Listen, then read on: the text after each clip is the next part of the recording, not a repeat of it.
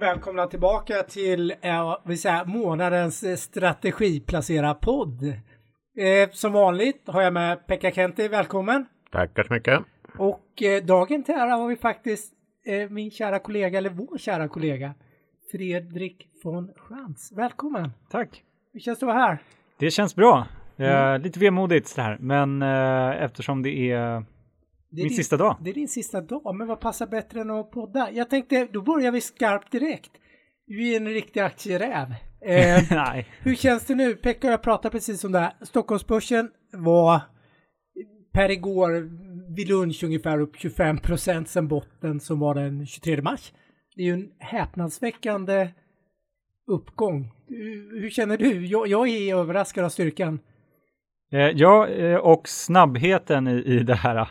Eh, jag hade nog inte förväntat mig, eh, och det var väl ingen som hade gjort, utan man pratade om att det här skulle ta lång tid och så. Eh, samtidigt så är det ju ganska spretigt fortfarande. Det är inte så att de värst drabbade branscherna har återhämtat sig, utan det är ju faktiskt de som man kan se klarar det här ganska bra, som är närmar sig tidigare höjder så att säga. Så att någon logik finns det väl i det i alla fall. Vad säger du Pekka? Du har ju nu senast hade ju du din strategi Eh, strategitext, strategirapport inför, inför maj månad här där du eh, skrev att eh, ja, det finns risk för bakslag. Ja. Nej, men alltså, jag håller med Fredrik att det, det, det är inte helt överraskande att vi får en börsuppgång. Jag menar, initialt så får man de här panikförsäljningarna av folk som, som behöver vikta ner sin aktieandel och sådär. När det är gjort så är det inte konstigt att det kommer en rekyl.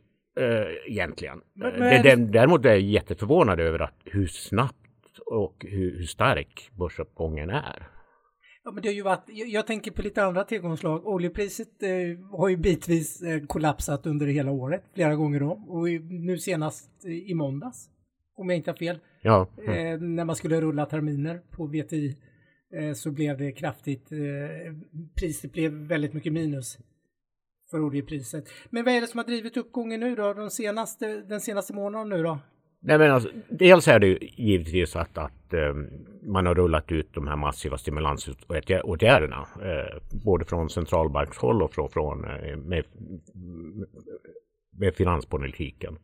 Eh, det är ju stimulanser av liksom aldrig tidigare skådat slag. Och, och ska man liksom börja räkna eh, på vad räntorna kan ligga på på lång sikt så är det ju runt nollan då.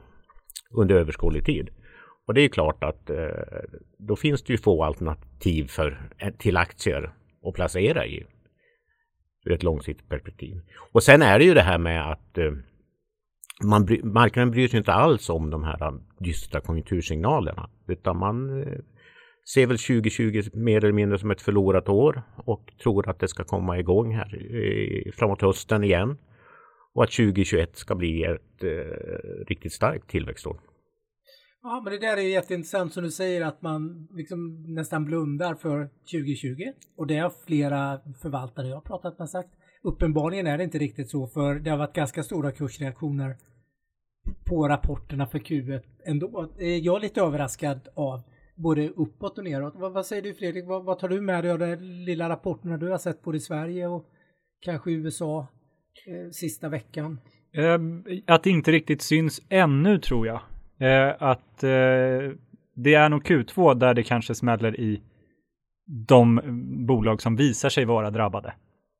Sen är det ju häftigt med bolag som ser ut att inte vara drabbade alls eller som istället för att dras ner i det här visa på tecken och vara var liksom i framkant på en omställning av hur, hur man eh, handlar och, och, hur man har möten och, och, och så vidare. Du eh. pratar om lite nya trender eller Ja, nej, men beteende. Eh, precis. Om man tänker sig då att affärsresenärerna kommer att minska, eh, eller affärsresandet, så kommer ju videosamtalen att öka. Och då dyker det ju upp eh, sådana bolag såklart som blir jättepopulära investeringar. Eh, på gott och ont. Ja, jag blev lite om vi pratar här, för här var ju, här, bara för några veckor sedan var det ju ganska, då, vi pratar videokonferenser och videosamtal, det har ju blivit det heta vi har ju varit med på flera Pekka, och även du och jag. Nej, men vi har ju kört internt som vi aldrig har gjort tidigare. Och vi börjar med Skype och vi har kört Zoom. Eh, men nu, nu men det är lite som, är det en stark tillväxt kommer nya aktörer. Det är ju finansiell teori och den funkade även denna gång. För nu har ju Facebook lanserat. Eh, de kommer att ha videomöten, det är ganska kostnadsfritt, du kan vara upp till 50 personer och så. Eh, det tycker jag är lite häftigt hur den här eh, krisen på något sätt gör de som är kreativa hittar snabbt och bra lösningar nu. Så det, det känns ju som hela lite som vi är inne på att framtiden kan se lite annorlunda Det går lite, lite snabbare, omställningen går snabbare. Lite snabbare. Men, men eh, får jag bara göra en reflektion ja. som jag tycker är intressant. Det var ju att inför, eh, i alla fall jag fick höra väldigt mycket att, att inför att Q1-rapporterna skulle komma så äh, ingen kommer att bry sig om Q1-rapporterna utan man kommer bara att fokusera på det som eh, de säger om framtiden. Men jag tycker väl att det lite är tvärtom att Q1-rapporterna har fått ganska stort genomslag. Alltså mm. själva resultaten. Och eh, då har vi ändå de svaga, den svagaste utvecklingen framför oss i Q2. Liksom. Men då känns det som investera, investerarkollektivet säger, då, säger en sak men gör något annat uppenbarligen. För det, lite för ja, det, jag, vet om Fredrik, jag vet inte om Fredrik håller med mig men, men, det var känslan jag hade inför att Q1-rapporten skulle börja rullas ut. Ja men jag hade den. Jag pratade med flera analytiker. Jag pratade med några jätteduktiga Londonförvaltare. De sa att det här året det är, det är inte ens lönt att räkna på det, lägga ner tid liksom på försöka göra, räkna någon vinsttillväxt. Jag tycker du slår huvudet på spiken. Att det, det, är lite som att man sitter och säger så här, oh det här ser så läbbigt ut, men med mobilen i handen sitter man och köper på sig liksom allt ja. som går. Så det är en jättemärklig situation. Jag vill bara komma tillbaka en sak, något som har drivit börserna tidigare och något som har drivit börserna norrut massivt. Det är ju om vi bara backar tio år till den stora finanskrisen. Eh, då blev det ju första gången det blev QB och de här rekordstora stimulans, stimulanserna från centralbankerna kom till. Mm. Du, du pratar ju precis om det på inledningen. Det är massiva stimulanspaket nu. Nu är det både från regeringshåll och det är från centralbanker med likviditet. Hur stora är de här Oj, alltså. Liksom penningmängderna som kommer ja, ut. Ja, nej men alltså det, det, det är ju det är så, jag har väl ingen exakt siffra men, men vi pratar i alla fall eh, klart över det dubbla från, från eh, hur det såg ut under finanskrisen. Om vi, om vi tittar på till exempel eh, den amerikanska centralbanken som är viktig, alltså deras balansräkning som inför eh, coronakrisen låg på ja, någonstans mellan 3 och 4 biljoner dollar. Eh, den ska alltså växa till, tror man, ungefär 10 biljoner i slutet av det här året. Eh, så att eh, det är ju ja, kanske tre gånger så mycket som under finanskrisen. Sen får, du, sen får du lägga på då eh, att finanspolitiken ångar på som aldrig förr. Men eh, likviditeten, kommer det, tror du, blir det, du har pratat om det tidigare, TINA?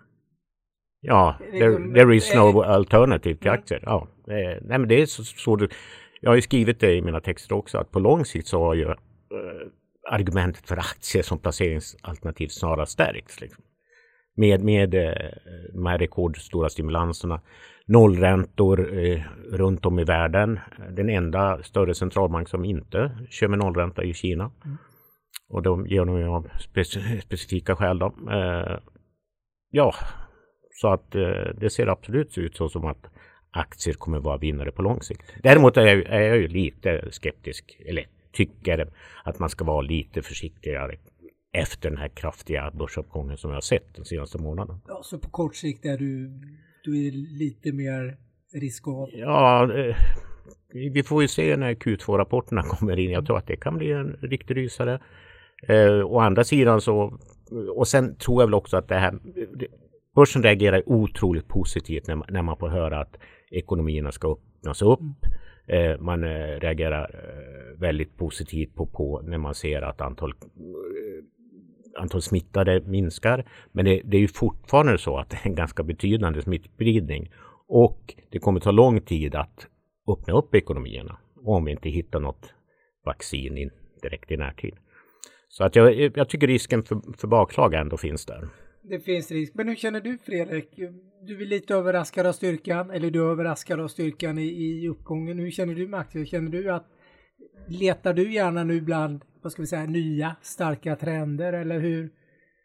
Och tror du att TINA-resonemanget stämmer? Liksom det, det, finns likviditet under många år och framförallt nollränta ser ut, det, det säger både Riksbanken och Fed, ju, nu pratar vi om flera år med nollränta. Ja, tittar vi på ränteterminerna i USA så är det ju alltså 20, fram till 2023 ska det i alla fall vara nollränta. 2023, mm. vad säger du? Du är ung, hur, hur tänker du kring dina aktieinvesteringar nu eller hur? Jag skulle vilja kontra med, med en motfråga. Det, eh, generellt sett så, så, säger man väl att, att varje bull market drivs av ett antal sektorer och, och det varierar över tid. Då. Och om det här nu varit en bear market och vi har en ny bull market, vad är det för typ av bolag som kommer driva den här gången? Vad tror ni? Oj, den kom ju tillbaka, Oj, frågan. Ja. Jag skickar tillbaka den direkt. Ja, men Pekka, du börjar. Du ser het ut där. ja, nej. Eh, nej, men jag... Alltså, om man tittar på det som har gått upp, alltså teknik, delvis teknikaktier, hälsovårdsaktier och sådär. Eh, det är väl en trend som kan hålla i sig ett tag, men om, samtidigt så har, väl, har värderingarna skjutit i höjden. Så att det som ska driva börsen om vi tittar eh, eh, på lite längre sikt så, är det väl att det ska komma en revansch i, i industrin och i de här lite mer utbombade branscherna. Konjunktur ja, konjunktur, ja, konjunkturkänsliga. För det, det, som, det som jag fiskar lite efter det är de här stora techbolagen i USA då, som drev förra uppgången och är väldigt starka även nu i återhämtningen. Kommer de driva även det här nästa bullmarket? Är det, är det sannolikt att de klarar att göra det? De är ju så pass jättestora. Kan de växa tillräckligt snabbt i procent så att säga? Ja, det är sant. Nu är tillväxten, eh, den är fortfarande hög, men den är Absolut. inte så här revolutionerande. Kolla Microsoft, det är 15 procents vinsttillväxt och omsättningstillväxt i princip. Och, eh, men, eh, men jag tror är de innovativa och det har ju de här bolagen visat sig vara. Jag tänker nu senast på Facebook. Jag tycker det är mm. genialiskt. Eh, och precis innan det, det har fallit bort nu. Vi har ju pratat om det Pekka, det är ju de här digitala valutorna som jag tror kan få en stor revansch när post-corona. Vi får prata mer om det vid andra tillfällen, men de har ju sitt Libra-projekt. De, de, visar ju ändå, tycker jag, i Facebook-fallet eh, att de är på tårna, de utvecklar nytt, de, de har en bra känsla för hur, hur framtiden ter sig eller de kan titta lite runt hörnet om du förstår vad jag menar. Ja. Och de har ju gigantiska kasser. Jag tror, det, det pratar man om för några veckor, de har inte pratat om nu sista två veckorna, tänker jag på. Det var att då le, man letade bolag som har bra balansräkningar och starka kassaflöden nu, för du vill inte sitta och kanske ge, hjälpa till med nytt kapital på bolag som kanske får det tungt ett antal år nu. Ja, vi pratar flygbolag eller hotellverksamhet och sådär då. Eh, det resonemanget har försvunnit lite sista veckorna tycker jag, men om man, om man applicerar det på techbolaget, de har ju gigantiska kasser, det går att mm. göra mycket förvärv, det går att göra mycket, man kan driva som Facebook det här. Det, det måste vara ganska kostsamt att bygga upp den här video och streamingtjänsten och eh, det ena med det andra. Så jag menar, jag tror att de kan bli vinnare med det som du säger. Visst, tillväxten blir ju lite lägre som de stora talens lag. Får jag bara återkoppla? Ja. Jag, tror, jag tycker det är intressant det här med Libra-projekt, alltså digitala valutor. Alltså när vi kommer ut på andra sidan liksom coronakrisen med gigantiska statsskulder, eh, centralbanker som har öst. Eh, alltså, det borde ju finnas någon sorts eh, ska säga, förtroendegap att fylla. Som, som en digital valuta skulle kunna också, också skulle kunna bidra med. Att, ja. att, att eh, det, det, det, kommer inte kännas lika osäkert med, med en digital valuta i, tror jag, post-corona. Nej, jag tror du har rätt. Jag tror centralbankerna eh, oförstående krattar manegen för digitala valutor. Ja. Och lite revival guld. Du har ju varit inne och gjort några Dåliga. spektakulära guldtrades. Nej, men det, det men jag menar, jag, jag, läser mycket om guldet också. Det var ju väl Goldman nu senast som var ute och sa att den, den når säkert 3000 på lång sikt. Kanske ska backa lite på kort sikt, ha lite ditt resonemang. Men eh, guldet också att det skulle få större förtroende för att lite post-corona, det kommer vara ett gigantiskt guldberg. Ja. Där ute runt hörnet. Vi, mm. vi kommer alla vara mer skuldsatta. Allt ifrån länder till företag till vi privatpersoner också. Kanske lite högre skatter och lite sämre, kassaflödet blir mm. lite mindre, vad vet jag. Lägre fastighetsvärden, Mm. det påverkar väl oss. Ja, och Det- kanske fastighetsskatt igen. Nej, men det går ju att göra. Mm. Det blir kanske lite populistiskt att öka skattetrycket i, i, i västvärlden för att betala för det här Mm. som vi nu är inne Och det tycker jag inte aktiemarknaden all, alls har tagit höjd för. Utan man tittar ju ganska kortsiktigt när man skjuter iväg kurserna på det här sättet. Att, att på corona, vi- man kan ju diskutera, vi, vi kanske kommer att ha en lägre strukturell tillväxt. Mm. De kommande liksom 5-10 åren. Så att ska man titta så långt framåt så ska ju det här vara, kan ju det här bli liksom negativt för, för börsutvecklingen i stort. i stort. Men då kanske Fredrik har en poäng att då är det viktigt att hitta nya, nya trender, nya strukturella trender som dyker upp för beteendeförändring eller för att man vill göra saker på ett annat sätt än vad man har gjort det tidigare och så vidare. Är det inte väldigt intressant med oljepriset också, om det nu är en ledande indikator? Vilket det kanske inte längre behöver vara då, men det har varit det. Ja, i den här krisen känns det ju som att eh, den har varit ledande. Börsen har varit väldigt eh, Mm. icke-ledande. Ja, nu är det väldigt spe speciella faktorer som driver eh, oljepriset till minus och sådär. Men, men eh, det är klart att vi har ett stort produktionsöverskott på oljemarknaden och eh, lagren är välfyllda. Eh, och ska man utgå från oljepriset så, så, så eh, borgar väl det för, för just det där att vi kommer att ha en svag tillväxt under lång tid framöver. Så oljepriset som konjunkturindikator, då blir man inte så glad. Nej, Man verkligen inte. läsa ut något ur det. Hur känner du med oljepriset då, Fredrik? Är du överraskad av att den helt plötsligt på något sätt kom i fokus? Det, det, var, ju, det var ju bästa tillgångslaget i fjol, det glömmer man ju lätt bort. Den, den gick ju oerhört Ja. bra, den var ju så tudelad. Oljepriset gick ju upp extremt mycket, gick faktiskt bättre än eh, USA-börsen, stora index. Medan energisektorn gick ju rätt så kast, alltså bolagen i sig då, så det blev väldigt sådär.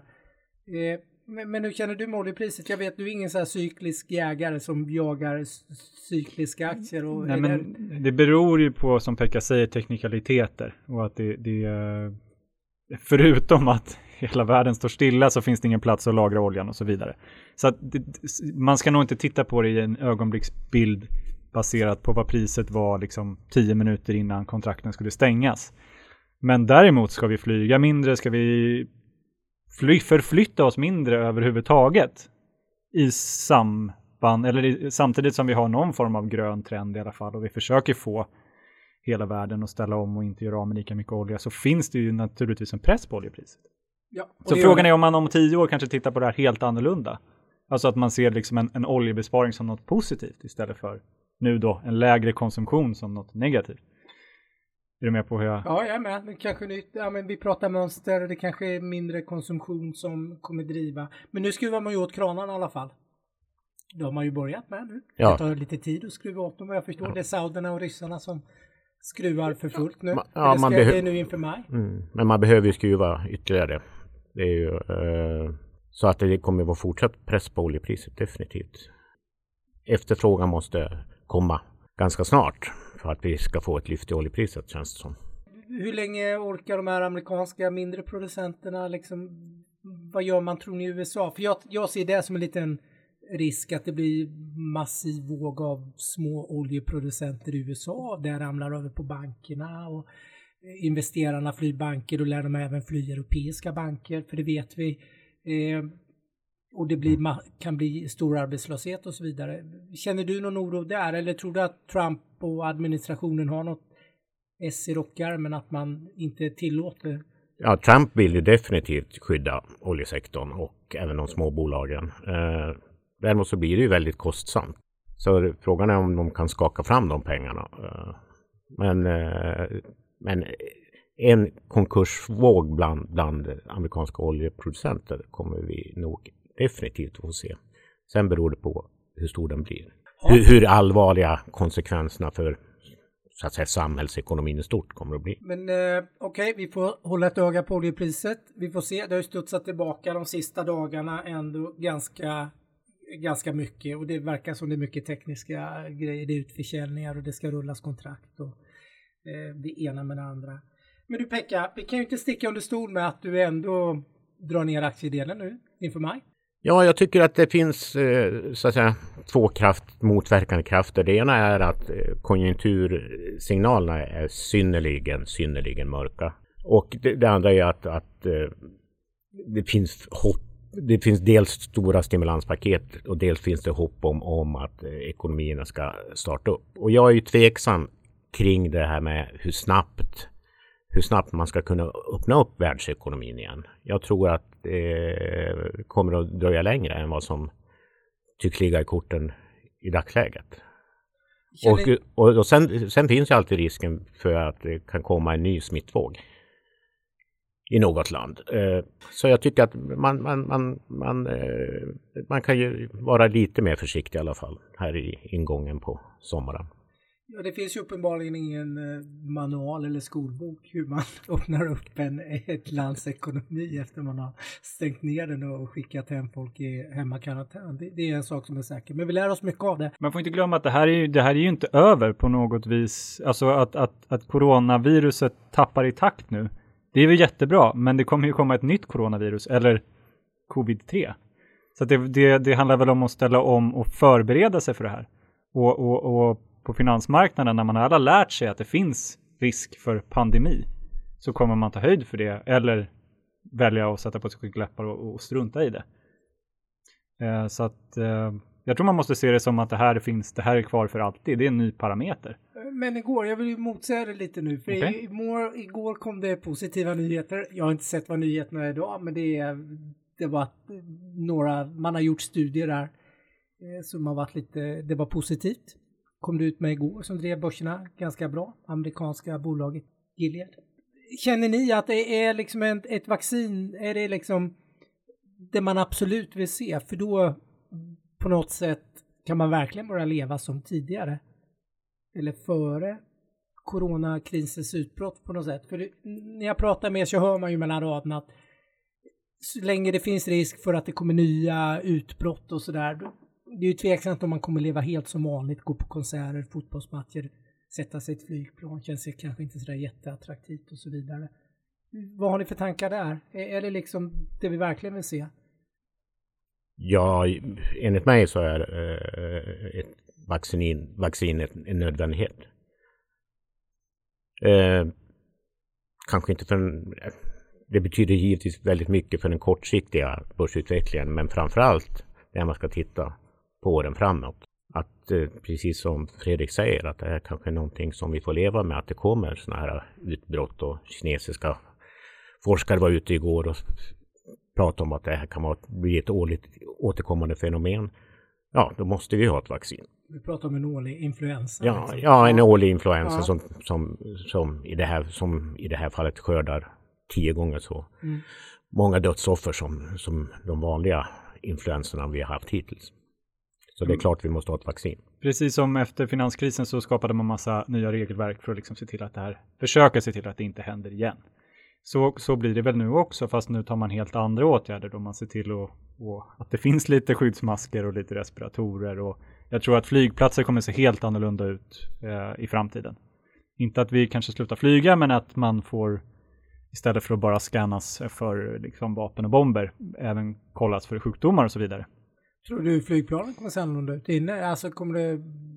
Kommer man, jag tänker bara att man har färre säten och så vidare, drar ju ner lönsamheten ja, betydligt och ökar kostnaderna. Och, och då, då, då anpassar sig samhället och därigenom också ekonomin efter ett nytt läge. Att det finns eh, virus som man måste tänka på. Eh, så, så, att eh, det är nog en, liksom en, en process som har satts igång och som kommer fortsätta jättelänge.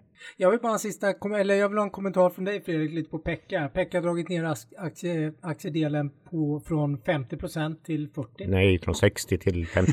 från 60 till 50, förlåt Pekka. Eh, det är jag som är bästputten kommer jag ihåg förra månaden. Eh, från 60 till 50, men det är 50 är ju neutralt på något sätt får vi väl anse. Ja. Känner du, tycker du också att det kanske tar hem lite vinster? Är det det som du tänker kring också nu? Eller vill du um, gasa på i vissa sektorer? Ja, jag har gått till den punkten att jag slutat köpa aktier eh, i väntan på att se vad som den här eh, uppgången tar vägen. Slutat köpa, är det för att du är fullköpt. Eller hur man nu ska se det. Det är ganska, ganska fullköpt. Eh, men i och med att det gått så pass snabbt från botten så, så är det liksom inget, det går inte att tala om något fyndläge längre. Och, och därför har jag stannat upp. Men, men att, att ta bort, eh, vad ska man säga, sälja i portföljen har jag inte börjat tänka på än. Utan eh, följer med hellre. Vad gör du Pekka? Lever du som du lär? Har du börjat? Jag vet ju att du gillar lite cykliska. Ja, nej men ja, jag har väl gjort ungefär som, som Fredrik. Eh, inte köpt någonting på ett tag faktiskt, så man har missat lite i uppgången. Eh, och jag har väl eh, sänkt i, i, en del fonder som är breda har jag faktiskt eh, sänkt, sänkt min aktieandel i. Eller sänkt min aktievikt totalt sett. Har jag gjort. Och du tänker en liten nedgång ja, kommer? Ja, det, men alltså jag är ju gammal konjunkturanalytiker. Jag kan inte undvika att bli vara lite bekymrad över hur när majsiffrorna börjar rulla in, Q2, eh, vi ser hur, hur Q2 utvecklas. Jag har svårt att se att, att, eh, att liksom aktiemarknaden ska kunna motstå den tvärbroms i världsekonomin som sker just nu. Det måste, det måste få effekt. Jag kan ha fel alltså, men, men om jag tittar på gamla sådana här eh, kriser så, så, ja, så det, det brukar i alla fall vara så att eh, konjunkturen spelar en viss roll i börsutvecklingen.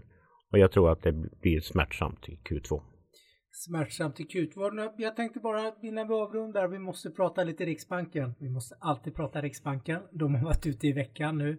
Och sen måste vi prata lite svensk penningpolitik. Liksom du säger ju att den globala konjunkturen bromsar in kraftigt och det blir smärtsamma Eh, med smärtsam makrostatistik här den närmaste tiden.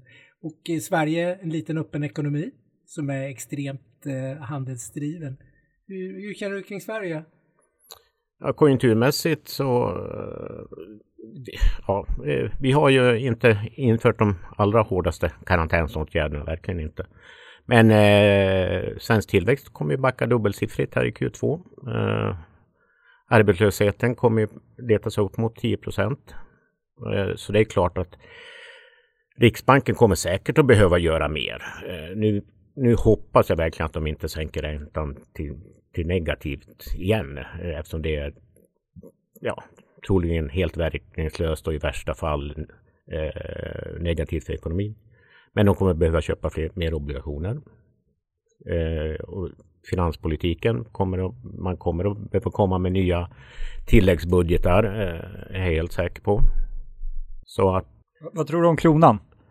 Ja, kronan kommer väl att skvalpa vidare på den nivån den är på ungefär. Men den gillade väl, kron, kronkramarna gillade väl vad de hörde igår med att Ingves ja, eh, jo, minusränta och eh, mm, man spekulerar i att det kanske inte blir någon minusränta för att det har den önskade effekten i det här läget. Som, som, alltid, som alltid eh, tittar man på kronan ur liksom någon sorts strukturellt perspektiv med hur, hur budgeten ser ut och hur ränteläget är och så där, då ska den ju stärkas. Men vi har ju, men å andra sidan så länge liksom corona oron ligger och, och tynger på den så, så, så kommer den nog förbli svag. Dock ska man ju påminna sig om att det här är ju inget fenomen som har drabbat kronan enskilt utan det är ju, det är ju, har ju drabbat alla mindre valutor. Så det är ju en dollarstyrka framför allt men också att valutor som yenen och eh, schweiziska franken till exempel har gått starkt. Euron har väl hållit sig också stärkt mot kronan. De stora valutorna har gått bra och alla, i princip alla mindre valutor har gått svagt. Så det är inget, det är inget svenskt fenomen den här gången. När får vi se ändringen? Ja, men jag tänker på om Federal Reserve i princip har sagt att det är inga, de har inga begränsningar. De, de kommer kunna trycka hur mycket pengar som helst de facto kan man väl säga. Ja, ja, det, att, att de ja, det har de ju sagt. Eh, enligt skolboken borde ju det kanske inte vara eh, direkt jättebra för dollarn på sikt. Nej, det borde det ju inte vara. Eh, vi se dollarvändning då? Ja, det, den dagen eh, den dagen det vänder på, på uh, världsekonomin vänder upp igen. Det är väl det enkla, enkla svaret. Eh, man kan ju säga så här att eh, nu har ju dollarn inte gått så där superstarkt i, i, i eh, under senare delen av den här börsuppgången. Utan, det, utan den har väl eh, snarare sett sin topp känns det som. Hur tänker du Fredrik? Du bevakar mycket främst amerikanska bolag. Mycket inom strukturella trender, teknik och så vidare. Små som stora. Eh, hur känner du som, ja, du är ju dollarinvesterare får man väl säga, även när du tar ett Microsoft-bet exempelvis. Eh, ja, och det där är väl klart någonting som man behöver tänka på. Sen så, så har jag inget bra svar vad jag tror om det ska gå upp eller ner. Men, men i och med efterfrågan på amerikanska bolag så finns det väl ändå liksom ett eh, köptryck på dollar, eller i dollarn. Folk behöver dollar, man vill göra affärer med de här bolagen, man vill äga de här bolagen. Och eh, hur, stor del av eh, ett världsindex är i USA? Index? Ja, det är ju eh, brutalt stort. Det beror på vilka index. Men, Men någonstans 60, mellan 50 och 60, ja. säg 60 procent är det. Så att hela världen behöver ju dollar, eller hur? Och, och då kan jag förstå varför den ändå är så pass stark som den är. Ja. Trots att de eh, mm. gör allt för att den inte skulle kunna vara det då, genom att skuldsätta sig. Ja. Och nu är, jag menar, men samtidigt eh, som sagt var centralbanken, amerikanska centralbanken öser ut dollar. Eftersom det finns så stor efterfrågan på att ha swap-linjen med i princip alla centralbank, andra centralbanker som så vill ha. Så det finns ett otroligt tryck efter att ha dollar just nu. Och det kommer väl att dämpas någon gång. Någon gång kommer det att göra, men jag håller med Fredrik faktiskt. Jag, jag brukar också hänvisa till att ungefär 60 procent av världens börsvärde är amerikanskt och man vill ha amerikanska bolag. Och sen har ju jag en hypotes då som inte är belägg på något sätt, men jag tror ju att världens globala investeringsbara kapital, där man kan investera, det som vill köpa aktier, är betydligt mer än så som är amerikanskt. Jag tror mm. att amerikanska pension, allt kring USA, de stora institutionerna, är så pass mycket mer stora än resten av världen. Så jag, jag kan tänka mig att det kan vara 70 procent som är amerikanska tillgångar. Liksom att det, det, det är faktorer som styrs man kanske inte tänker på. Men vad vet jag? Jag har inte sett några siffror på hur, hur, hur mycket mer amerikanska institutioner det finns eller så vidare. Men jag brukar ha det lite bakut ibland, för man märker direkt på Stockholmsbörsen när vissa kurser går ner, då är det amerikanska investerare ofta som, eh, som säljer av, eller det, det, börsen är inte öppen i USA. Och det, ja, det ena med det andra. Men dollarn får man ha ett litet öga på eller så rider man bara väg med som jag brukar göra. Man är en liten tvål i det stora badvattnet. Ja, jag känner att det är, det är 17 valborg idag. Men det får man inte fira så hårt som man kanske brukar. Men jag tänkte att man kanske ska runda av, eller vad känner ni? Det är, vi sitter ju på redaktionen idag med tydligt coronaavstånd, mm. måste vi säga till lyssnarna. Eh, har ni något sista sådär? Jag är tycker vi har tagit ut mycket i mm. den här podden. Nej, jag tackar för mig och tack för att jag fick vara med i en podd. Alltså jag säger lycka till nu på ditt nya jobb och eh, det ska bli jättespännande att följa din, din karriär. Mm. Och du och jag Pekka, vi är gamla i gården. Vi är gamla i gården, vi, vi blir kvar här. Jag har bara en sista take som bara slår mig nu, för du och jag är så pass gamla i gården att vi var ju med i den svenska finanskrisen på 90-talet. Eh, och jag, jag, tänkte bara runda av, för den avskaffades vid årsskiftet, det är ju värnskatten. Den infördes ju förra eh, i den svenska finanskrisen och avskaffades vid årsskiftet. Det kanske är en osedvanligt dålig timing. Den drog inte in så jättemycket kapital för den var mer skadlig kan man hävda. Men bara en sista grej. Tror du att vi kommer få se mer skatter? Att det blir mer, vad ska man säga, legitimt att öka skattetrycket nu? När skattebasen blir mindre för arbetslösheten? Ja, jag tror att det kommer bli svårt att höja skatterna om, man, om inte krisen blir riktigt långvarig. Så tror jag inte att vi kommer se några höjda skatter. Bra, då tror vi på ett V, säger jag. Och jag får önska er en trevlig valborg. Ja. Och du och jag hörs om en månad igen. Det gör vi. Då kör vi en ny strategipodd. Och Fredrik var det himla bra nu. Jag kommer yes. sakna det faktiskt. Jag kommer sakna dig med. Mm. Jag kommer att sakna dig också. Lycka till Fredrik. Tack så mycket. Tack och hej. Hej då. Hej.